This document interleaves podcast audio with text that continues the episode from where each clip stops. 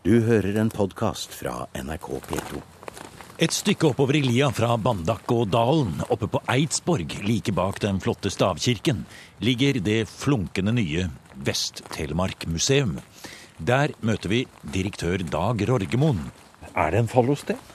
Det er en fallostein.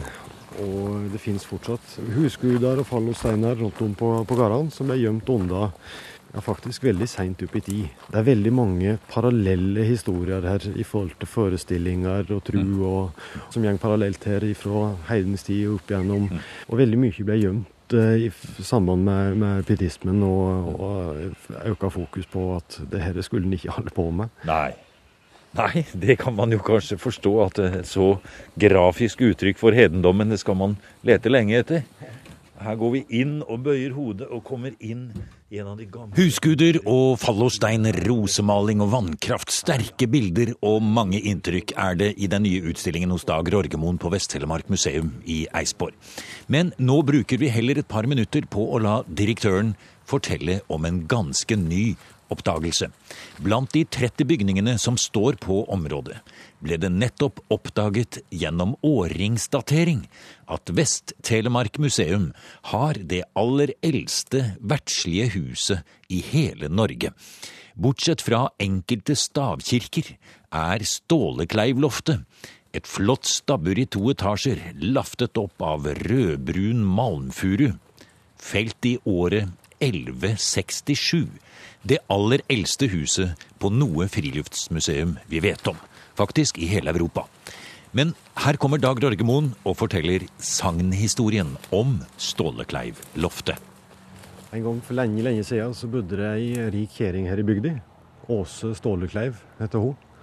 Hun var rik og mektig, og det heter at hun åtte hele bygda. Og, og, Ja, og eh, hun bruka Eidsborgkjønni som, eh, som en dam for å bløyte linen sin, og loftet her, det var linloftet hennes. Åse hun hadde tre sønner, og de ville og gjerne skulle bli så store og sterke som råd. Og eh, det her var jo lenge før dopingen ble oppfunnet. Men hun fant på at hun skulle eksperimentere litt med fôring. Og, eh, hun har òg tre stuter, og de stutene begynner å gi da forskjellig fôr. Ene var saupstuten. Altså saup det er jo et avfall fra Ystingi. Og den eh, andre det var mjølkestuten. Han fikk bare mjølk. Og så var det grånstuten. Han fikk mjøl.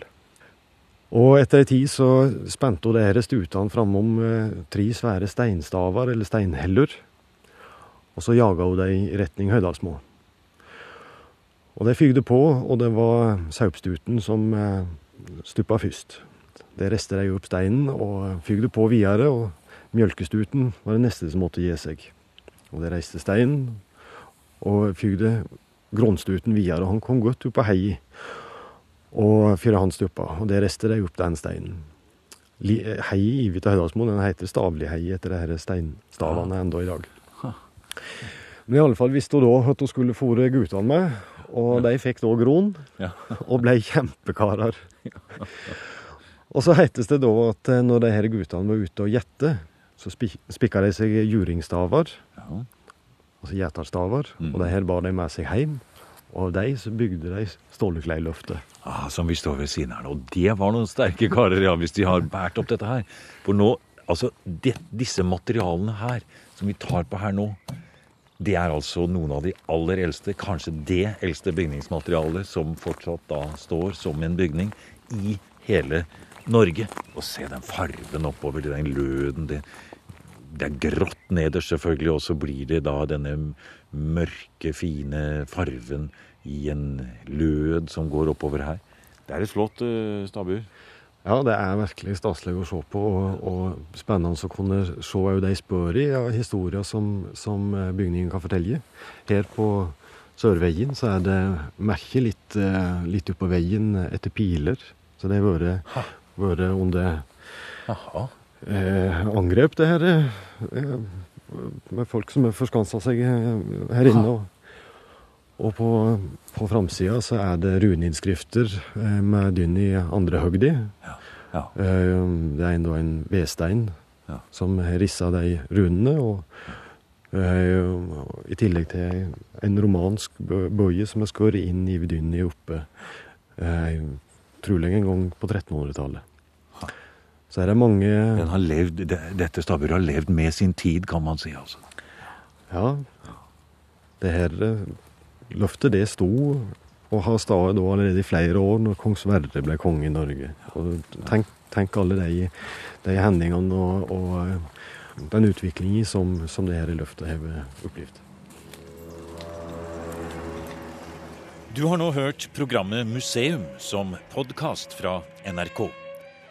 Museum sendes i NRK P2 på lørdager og søndager. Du finner flere programmer på nrk.no podkast.